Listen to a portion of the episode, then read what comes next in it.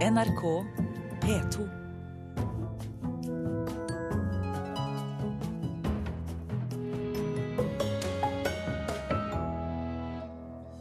Nyoppusset nasjonalteater kan koste opp mot fem milliarder kroner, viser ny utredning. Ny kunnskap om Jesus og hans disipler setter internasjonal etterretning i høyberedskap i ny thriller av Tom Egeland. Og deltakerne til årets filmfestival i Cannes ble offentliggjort i påsken. Én norsk kortfilm er med.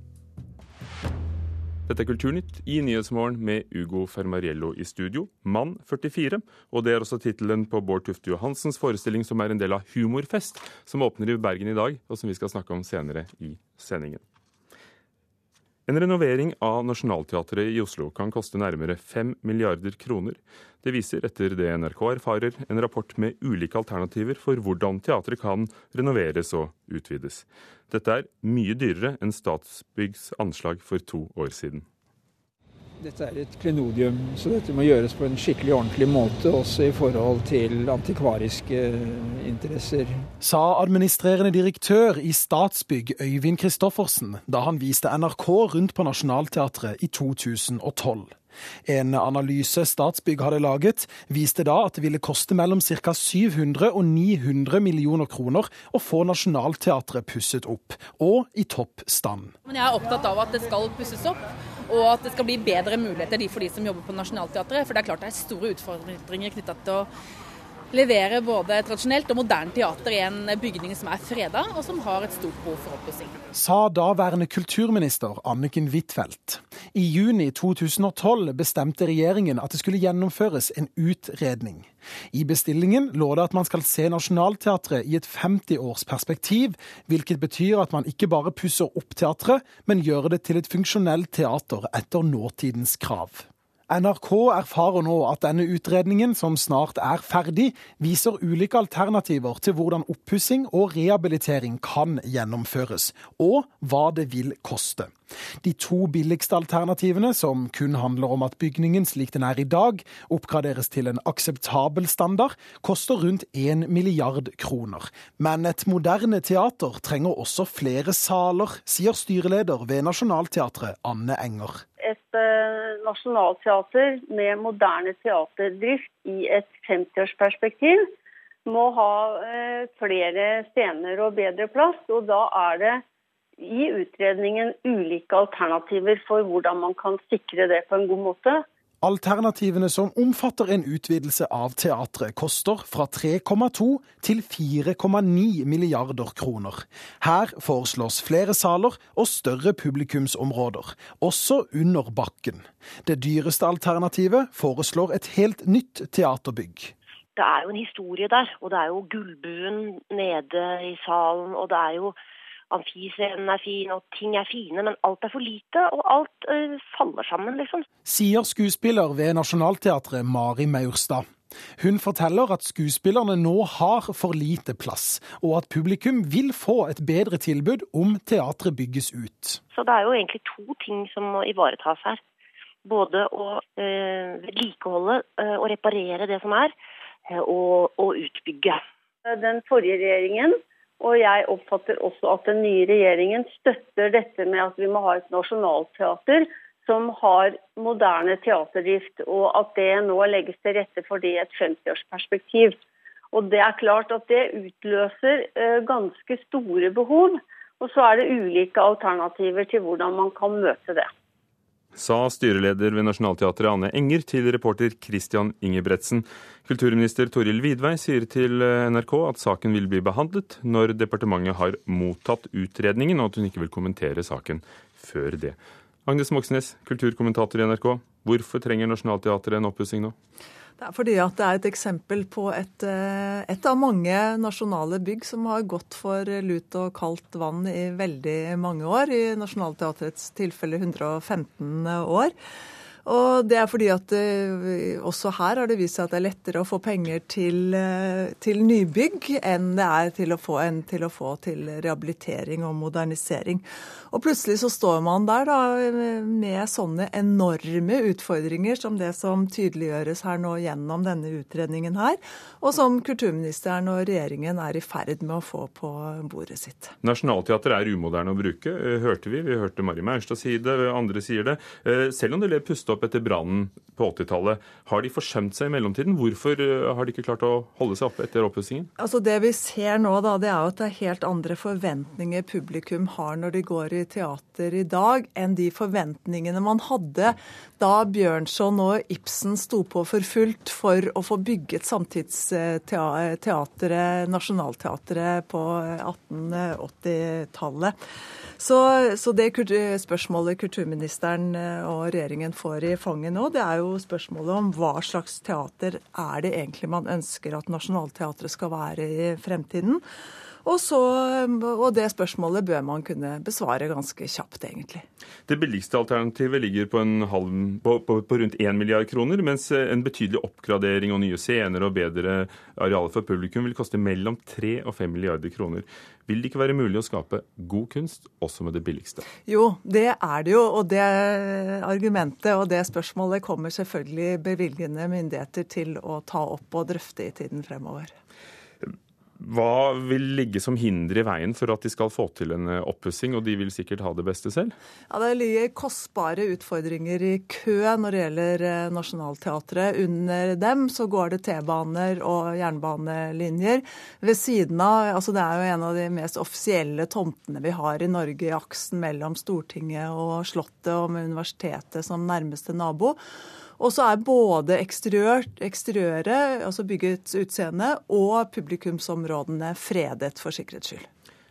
Hvilken sjanse er det overhodet for at Nationaltheatret pusser opp for det dyreste alternativet, det som kommer til å koste nærmere 5 milliarder kroner? Ja, si det. Det er jo selvfølgelig det beste alternativet. Det er det, det dyreste.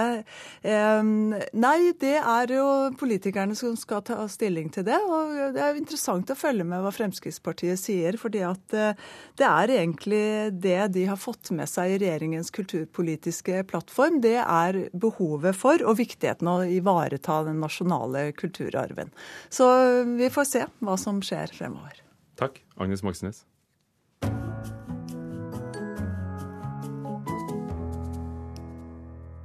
I dag åpner Humorfest i Bergen, bl.a. med disse folkene på scenen. Silence! I kill you! I look at this little face, this little face which was glowing with learning, right? And this child looks at me and goes, Bloody Jesus Christ. En som jeg er imponert over, har kommet så langt til Arbeiderpartiet, er Jonas Gahr Støre. Måten han har jobba seg nedover i samfunnet på. Bård Tufte Johansen, Bård Tufte Johansen, velkommen. Her hørte vi deg sammen med buktaleren Jeff Dunham og den irske komikeren Dara O'Brien. Hva er det morsomste du kan tenke deg selv å si i Bergen? Nei, først og fremst så det var jeg skal til Bergen på humorfest, det er jo en hyggelig ting å gjøre, og det er utsolgt. Og det være artist fra Østland utsolgt i Bergen, det er litt som utsolgt i Göteborg. Eh, det er jo det. Det er jo litt spesielt. Eh, for Bergen så er det sånn Ja, vi får nå se, da. Om det er så bra som de sier VG og Dagbladet. De er litt sånn.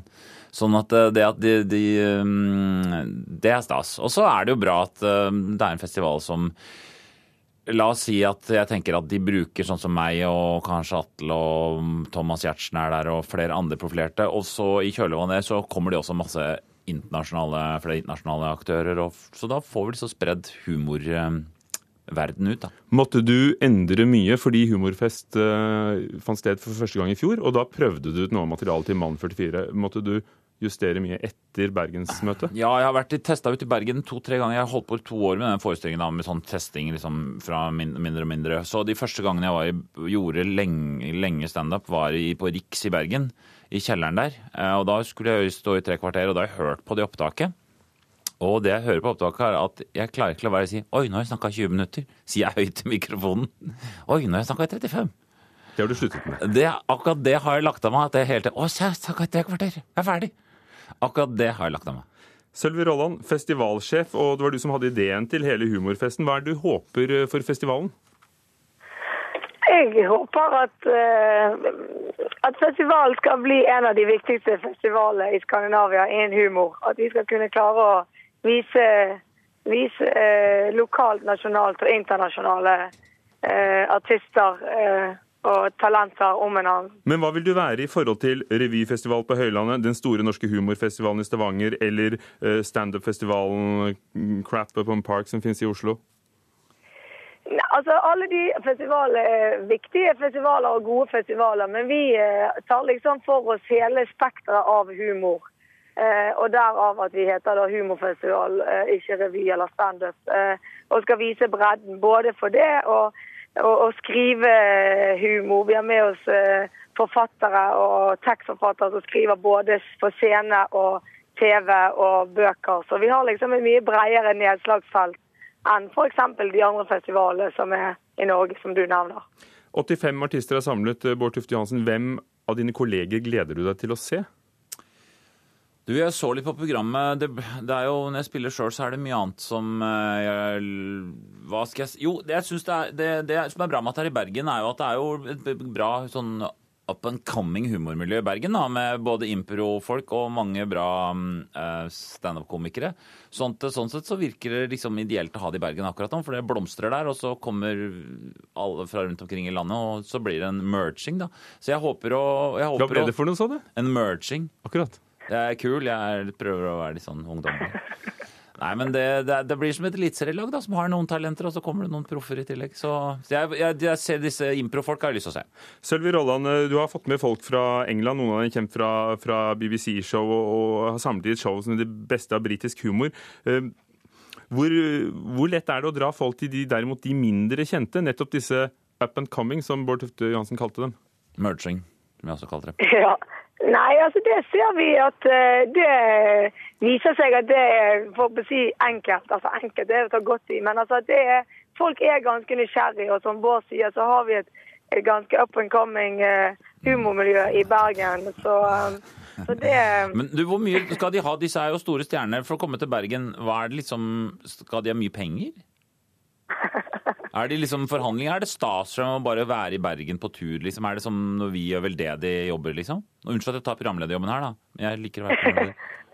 Nei, altså alle går inn på en eh, prosent eh, del for å komme til festivalen. Så det er det men, samme for alle. Men Sølvi Rolla, apropos det med penger. Det samme for alle, sier hun eh, Tufte Johansen. Mm. Så vi får tro deg på det. Men, men, billettene koster jo mellom 300 og 550 kroner per forestilling. Og det er ikke noe sånn festivalpass eller noe sånt. For dette er jo så å si uten støtte. Dere har fått litt i støtte til et fagseminar, men ikke til forestillingene. Er du litt bitter for at, for, for at akkurat humor er noe som må klare seg helt selv?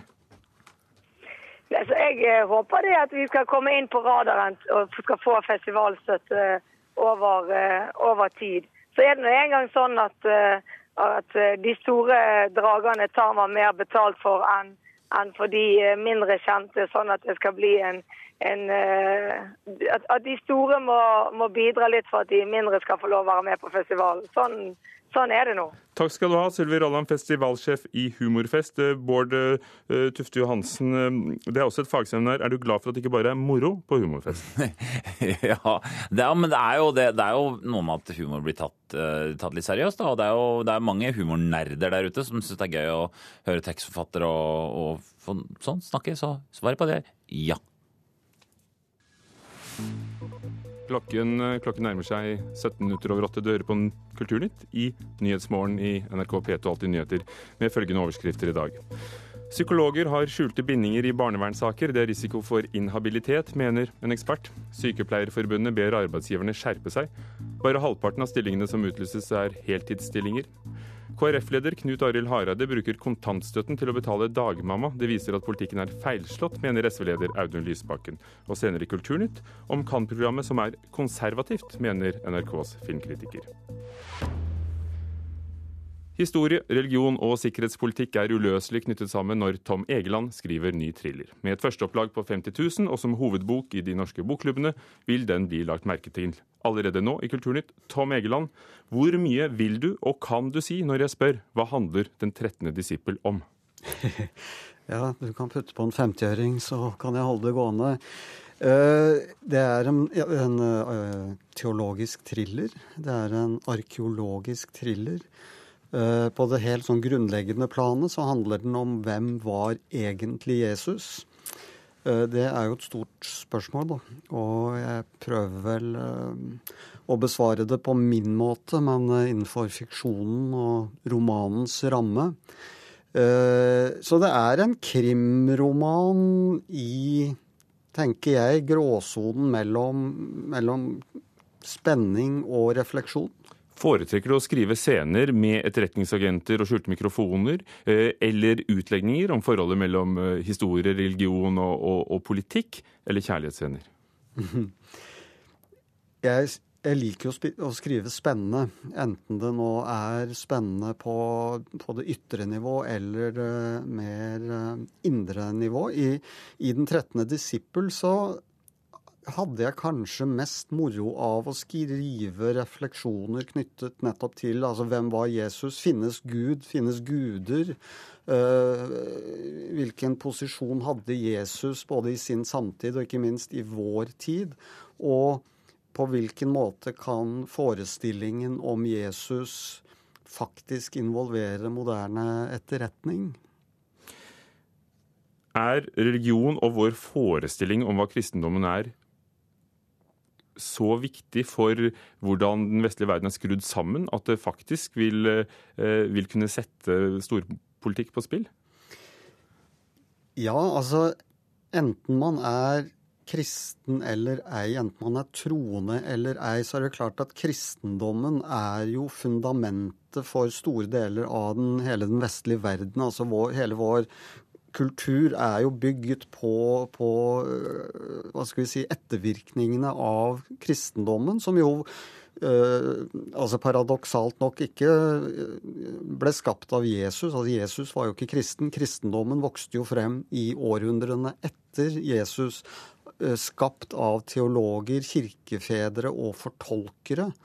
Og denne fortolkningsrammen er jo noe av det jeg prøver å, å, å si, angripe i romanen. Altså, var det nå dette Jesus mente? Og, og det er klart at altså, Europa, USA, hele den vestlige kulturkrets er jo, enten vi vil eller ikke, gjennomsyret og preget av, av dette tankegodset. Og, og, noen ganger er det jo kanskje grunn til å stille kritisk spørsmål ved var det nå sånn Jesus mente det? Den 13. disippel fortsetter der sirkelens ende slapp. Det var den første romanen med din helt, arkeologen Bjørn Belte. Mm. Trenger, trenger, vi å lese den første? Nei. Kort og godt. er Bjørn Belte en helt eller en antihelt? Han er vel først og fremst en antihelt. Altså, han, han er jo en nølende etterforsker, en, en, en motvillig detektiv. Eh, så, så, han eh, roter seg opp i mysterier som han eh, helst ville holdt seg unna. Vi skal til dagens Israel og Palestina. Hvordan sier man det? Kap ja, det har jeg spurt teologer om. Kaperneum. Kaperneum, ja, Det er ikke helt lett. Byen der den historiske Jesus bodde. Mm. Vi skal til London, vi skal til Oslo. Eh, når du har drevet med ditt eget etterretningsarbeid for mm. å lage denne romanen, eh, hvor har du gått? Hvilke arkiver har du selv vært i? Nei, altså det, det, handler jo først og fremst uh, om å lese opp. Altså Jeg har lest uh, mye teologi, for å si det mildt. Jeg har snakket med teologer, snakket med prester. Uh, og så har jeg lekt meg Altså dette er jo fiksjon. Jeg påstår jo ikke at jeg har skrevet en, en, en, dokumentarbok. Jeg har skrevet en roman, en tenkt virkelighet. Men når du leker med arkeologi, med DNA-analyser og karbondateringer, eh, og for den saks skyld Mossads etterretningsmetoder, hvor viktig er det for deg at det stemmer? Det er viktig. Eh, og, og forbløffende mye i alle disse Bjørn Belte-romanene mine er jo faktisk riktig.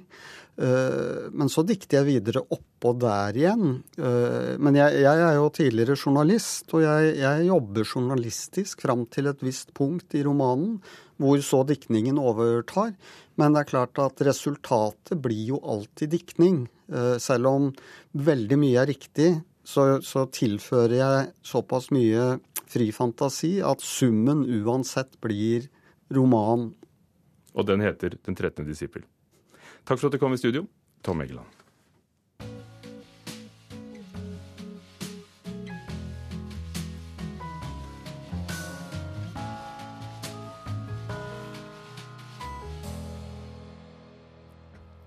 Filmskaperne som er plukket ut til å gå på den røde løperen i Cannes, filmfestivalen i Frankrikes kystby i mai i år, ble offentliggjort tidligere i påsken. Én norsk film er blant de utvalgte, en kortfilm om 17. mai. Vegard Larsen, programleder Ja, og her kommer reportasjen.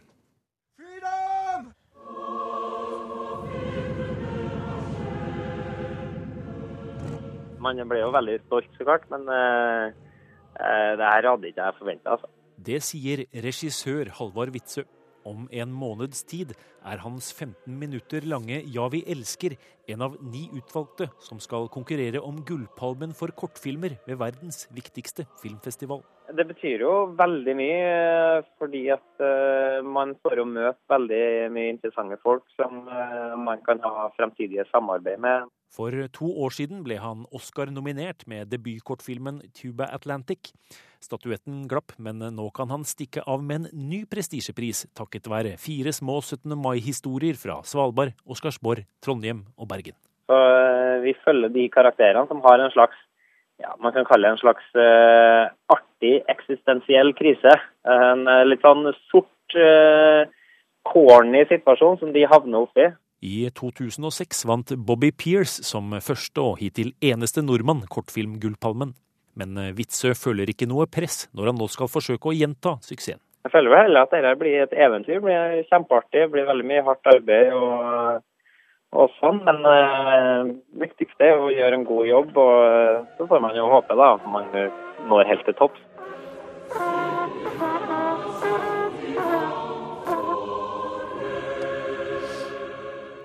Reporter var Gjermund Jappé. Vegard Larsen, programleder i Filmbonanza og filmkritiker. Norge er representert i Cannes med én kortfilm. Bør vi være glad for det, eller skuffet over at vi ikke er med i sterkere grad? Det er jo alltid litt kjedelig å ikke være med i sterkere grad. Jo, vi ønsker jo alltid at en norsk film skal delta i den gjeveste konkurransen den kan, nemlig hovedprogrammet.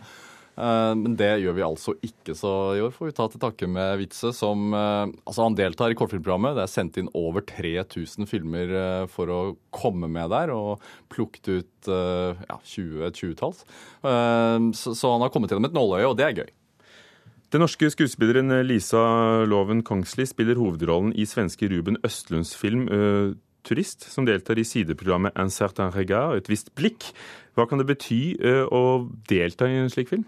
Altså, det er hennes debutfilm som, som uh, hennes debuthovedrolle. Og det å få lov til å debutere i en Ruben Østlund-film, det er et, en stort klapp på skuldra. Det er en film som kommer til å bli lagt merke til uansett. Det er tredje gangen Østlund er i Cannes. Han er en av Europas mest spennende filmskapere. Så, så det er absolutt et bra sted å debutere, og det er en film som kommer til å bli sett og lagt merke til. Det er sikkert.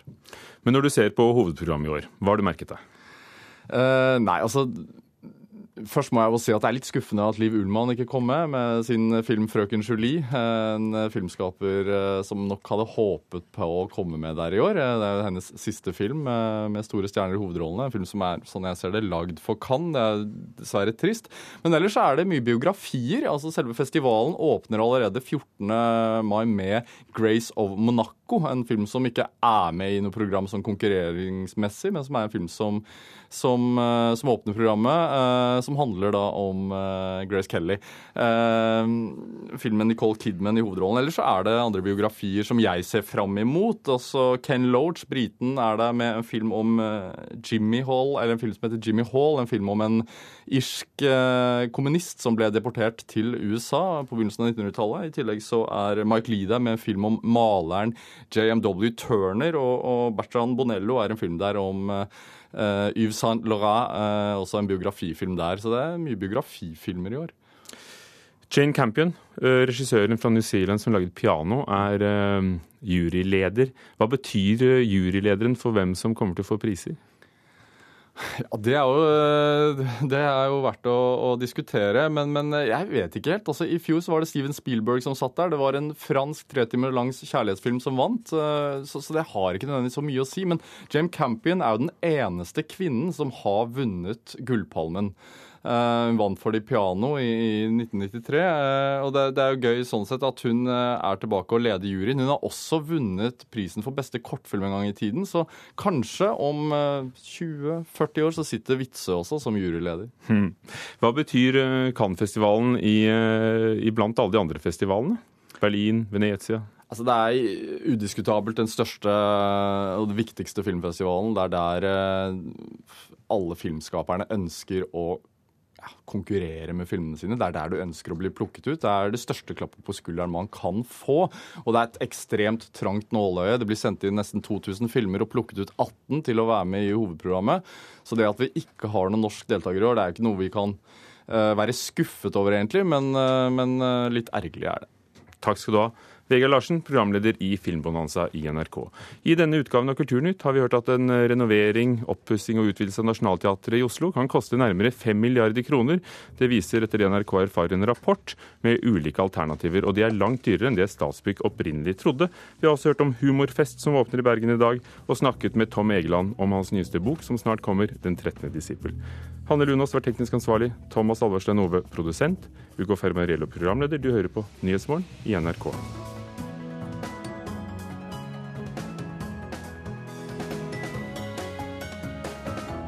Hør flere podkaster på nrk.no podkast.